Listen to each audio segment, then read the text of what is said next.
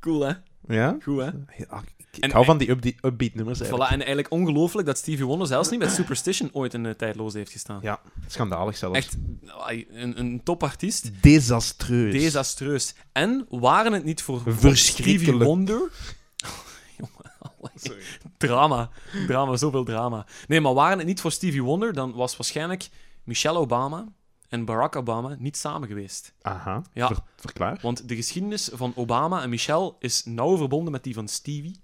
Ehm, want eh, in een interview ehm, in eh, 2009 ehm, heeft eh, Obama verklaard dat eh, zijn allereerste LP Talking Book was van Stevie Wonder, waar Oh. Superstition op stond.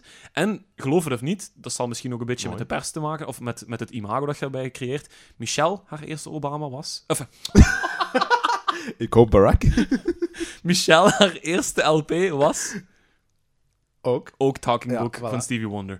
Ehm, en Stevie Wonder heeft ook dan op eh, zijn eh, inauguration celebration eh, in 2009 gezongen. Ehm, heeft van Obama heeft, of ja, Obama heeft Stevie Wonder ook de Library of Congress Gershwin Prize for Popular Song gegeven. Ehm, dus Amai. ja, ze, allee, Denk ik. Ze, zijn, eh, ze zijn echt wel vrienden van elkaar. Dus eh, dat is mooi dat Stevie Wonder ook eh, Mooi. daarin heeft meegeholpen. En weten dat hij dus absoluut niet weet hoe Barack Obama eruit ziet. Nee, voilà. Ah ja, nee. Hetzelfde geld denkt hij, dat is, dat is zo'n dat is zo'n witte. Hè. Dat is, Ja, of denk of dat dan een dikke kerel is. Zo. ja, of een Ah, dikke kerel, ja, inderdaad, ja, dat weet je niet. zo'n lelijke overkam. Nee, dat weet je niet. Met zo van dat vettige sluik. Zo. Ah nee, die Trump. Oh, oh. Alright. Tot zover de maatschappelijk verantwoordingen. Ik ga het een... eh, Of ja, wat? Ja, dat is mooi. Ja, dat Ja. is goed. Dat is mooi. Ik ben blij eh, dat je bijgedraaid hebt. Voilà. Maar, eh, maar ik ga het een andere boek staan. Ik had gezegd dat het waarder mocht. Ja. En we zijn er eindelijk beland. het is er eentje. Het is er eentje uit de fabriek der zware metalen. Dat is met de categorie. Van 1986. Helium. Ja, ik denk dat jij je chemie nog eens moet herhalen. En eh, Zware metalen. Oh, dat was een edelgas. ja, alright. Ehm, dus uit de fabriek der zware metalen van 1986.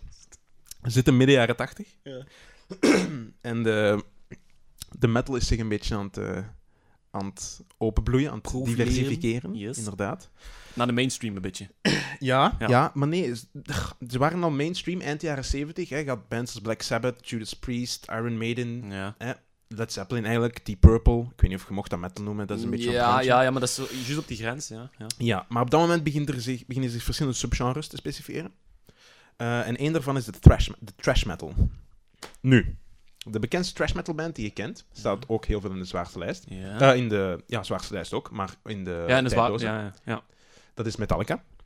Ah, Hun, eh, hun eerste, vooral hun eerste platen, eerste drie platen, eerste vier platen misschien ook nog, ja. zijn, eh, zijn trash metal.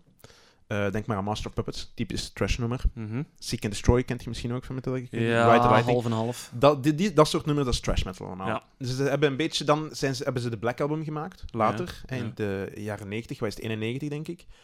Eh, en dan hebben ze zich wat meer commercieel, eh, wat meer mel allee, melodisch, om het zo te zeggen, Mhm. gedragen. Mhm. En dan zijn ze een beetje van die trash metal weggegaan.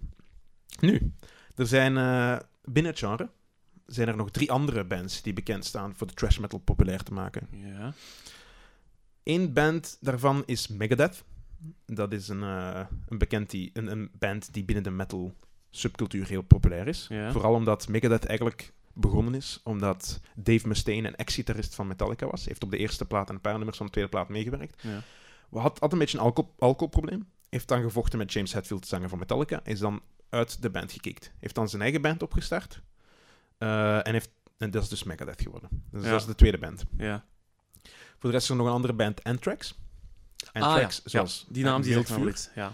Eh, en die zijn eigenlijk een beetje gestart als eh glam metal band. Met een heel hoge stem, meer melodisch. En zijn dan Mhm. overgeschakeld op, hardere, op het hardere genre trash metal. ja. Een beetje geëvolueerd. En dan is er nog een vierde band, genaamd Slayer. Oh, jongens, dat is, dat is echt zwaar. Zo. Dat is, Ay, dat het, vind ik eh, echt een zware dat is waarschijnlijk een van de zwaarste nummers die ik erin ga zetten. Ja. Ehm, en die hebben zich ook niet altijd aan eh trash genre te, ehm, huis gehouden. Mhm. Ehm, die zijn ook, hebben ook, die zijn eigenlijk heel, oké, maar kom ik zo nog op terug, heel, heel invloedrijk geweest voor het genre black metal en death metal later.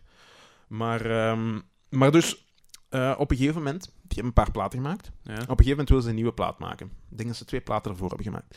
En die nieuwe plaat, ja, dus 85, 86, die wordt geproduceerd door keizerproducent Rick Rubin. Een heel grote naam binnen, het muziek, binnen alle muziekgenres. Mhm. Maar tot dan was die eigenlijk vooral bekend van rap acts. Hè? Denk maar aan eh, Run DMC, LL Cool J. Ehm, en die is eigenlijk begonnen in de punk. Dus punk, eh, rap acts en Aerosmith. Dat had hij tegen dan zo wat gedaan. Ja. Nu, Slayer had gezegd van... Oké, manneke, eh, we vinden uw werk wel goed op zich. Ehm, en die heeft zich toen bezig gehouden met Slayer. En die heeft een beetje een sound gestroomlijnd. Het was wat strakker, wat melodischer misschien, om het zo te zeggen. En ehm, die, heeft, die heeft het album Rain in Blood gemaakt. Ja. Rain in Blood. ehm, Rain is eh, regering, ehm, macht. eh, ik kan niet op directe vertaling komen, maar dus Rain in Blood. Ah, ja, ja, ja. eh, het leiderschap, het, Voilà. het, het heerschap. Rain, ja, voilà, met dus R-E-I-G-N. ja niet, niet rain van de regen, Voilà. maar rain van, van heersen. Van, ja. Voilà, dat is wat ik zocht. Mhm. Rain Dus die, die bekende producent tegen dan, Ja. heeft zich in de jaren tachtig ook over meerdere genres verspreid. Waaronder dus de metal. En die vond Slayer dus ook een interessant project. Ja. Die dacht van, oké, ik ga me daar, eh, ik ga me daar eens aanzetten. Nu, dus initieel, begrijpelijk, Ja. was er heel wat scepticisme vanwege de fans. Toen ze hoorden dat die Rick Rubin dat ging produceren. Ja. Nu, op die plaat, Rain in Blood, staan twee fantastische metal klassiekers. Eén is Angel of Death. Hè? Zo Ja. hoort het al, een echte, echte metalnaam. Christ, in Wow, Angel titel of al, Death. ja. Dat is, eh, dat is de opener van die plaat. En dat gaat eigenlijk over eh, Mengele, de holocaust-dokter, Ah, ja. die, ja, ja. eh, die experimenteerde op, op mensen. En dat is een heel sterk begin van die plaat. Dat is echt, die vliegen er meteen in.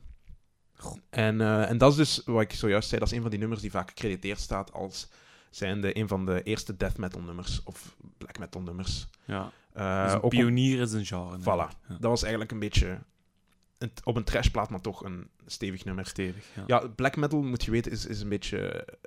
eh, lijkt heel hard op death metal. Het zijn allebei heel harde genres binnen de metal. Maar Mhm. black metal gaat eerder over ehm, eh, duivel en antichristelijk en zo. Dat zijn vaak de muzikanten daarvan die de kerken afbranden in Noorwegen en Zweden en dat soort dingen. Maar ik vraag me dan af bij, die, bij dat soort genres, wanneer luistert je dat dan? Want, allee, gelijk die Motown waar ik nu over bezig ben, dat zijn liedjes die ik bijvoorbeeld heb leren kennen doordat ik, ja, als ik begon te studeren, had ik eh, een maat van mij en die zat mee op kot. En als je daar binnenkwam, dan eh, was dat in de lente dat die eigenlijk zijn raam had openstaan, zo van die muziek had opstaan, Ja. met zo'n lichte geur van wiet in zijn kot. En die was sowieso chill, maar met die muziek was dat nog meer chill. Dus Ja. dat doet mij zo'n gevoel van oproepen van, dat is ja, feel-good muziek en zo, maar waarom... Allee, je wanneer... ziet dat niet gebeuren bij Angel of Death, of wat? Nee, niet direct. Nee, Nee, wel- maar wanneer... Want bijvoorbeeld, wanneer zou jij dan zo'n muziek luisteren? Ik, goh, ik, ik ben op zich geen fan van de, van de zware extreme metal, dus de zwaardere genres, Ja. zoals trash metal. En, Ja. eh, trash metal kan ik wel appreciëren, black metal, death metal is niet zo echt mijn genre. Mhm. Ehm, maar ik kan me wel inbeelden, als je opgroeit en je zit 14, 15, 16-jarige in eh, Scandinavië, het is donker in de winter, eh, het is koud buiten en je zit binnen en je zet dan een koptelefoon op en je hebt eh, een goed gitaar en gedrum, gedreven stuk, dat geeft je energie. Je, je bent een beetje een outcast op de middelbare school of zo. Ik kan me wel inbeelden dat je er dan, dan heel hard in op gaat. En ik vind Angel of Death ook echt wel een goed nummer. Het staat ook in de zwaarste lijst. Want de toppers van dat genre komen van het Hoge Noorden, heel vaak. Hè? Heel vaak, Ja. heel vaak. Zeker de bla- black metal. Ja, ja. Ehm, ehm, ja, dus, maar even om te verduidelijken, het gaat wel over de holocaust en dergelijke, Mhm. Ja. maar het is absoluut geen antisemitische band. Nee, nee, nee. Daar zijn ze ook heel vaak over uitgekomen. Ehm, ze zijn wel... Ik weet niet of zij religieus zijn of niet. Mhm. Oh, maakt niet uit. Maar, dat is niet het nummer waar ik wil over Oh. hebben eigenlijk. het nummer waar ik het over wil ik hebben, had mij al voorbereid. Ja. is het nummer... Dat is de afsluiter van die plaat. Raining Blood. Deze keer wel het De regenbloed. titeltrack. Voilà. Deze keer wel Raining. Ah, oké, Raining. Ja, ja, ja. woordspeling. Ja. Eh, en dat is gewoon één fantastisch muzikaal spektakel. Ja. Ehm, misschien een van de beste harde metal nummers aller tijden voor mij. Het is kort. Heel die plaat is denk ik maar een half uur lang ook trouwens. Twaalf nummers of zoiets. Vol een Een bak. half uur lang. Kort, Dus kort heel die plaat is gewoon knal, vurig, krachtig, kort. Huppakee, we gaan ervoor. Dat heeft een fantastische riff. Ik weet niet, kent je het nummer? Nee, vol- nee Ah, echt niet. Je, Ja, gaat, want- je gaat het misschien wel kennen als ik Want de dit genre is een blik wat ik voorlopig nog moet open doen, maar wat eigenlijk achteraan op het schap staat. riff... Voilà. Dus dat is... Nee, mooi gezegd. Dat is eh, een andere cultuur die open gaat dan. Voilà, dus... eh, Eh, maar het is een heel bekend nummer binnen de metal. Het is, het is hoe moet ik het zeggen, een anthem binnen de metal eigenlijk. Eh, het is heel kort eh, en het gaat blijkbaar over iemand die de hemel binnengaat en die maakt de hemel gewoon kapot. Die maakt de hemel kapot omdat hij, ja, omdat hij blijkbaar uit het, eh, hoe heet het, het vage vuur. Ja.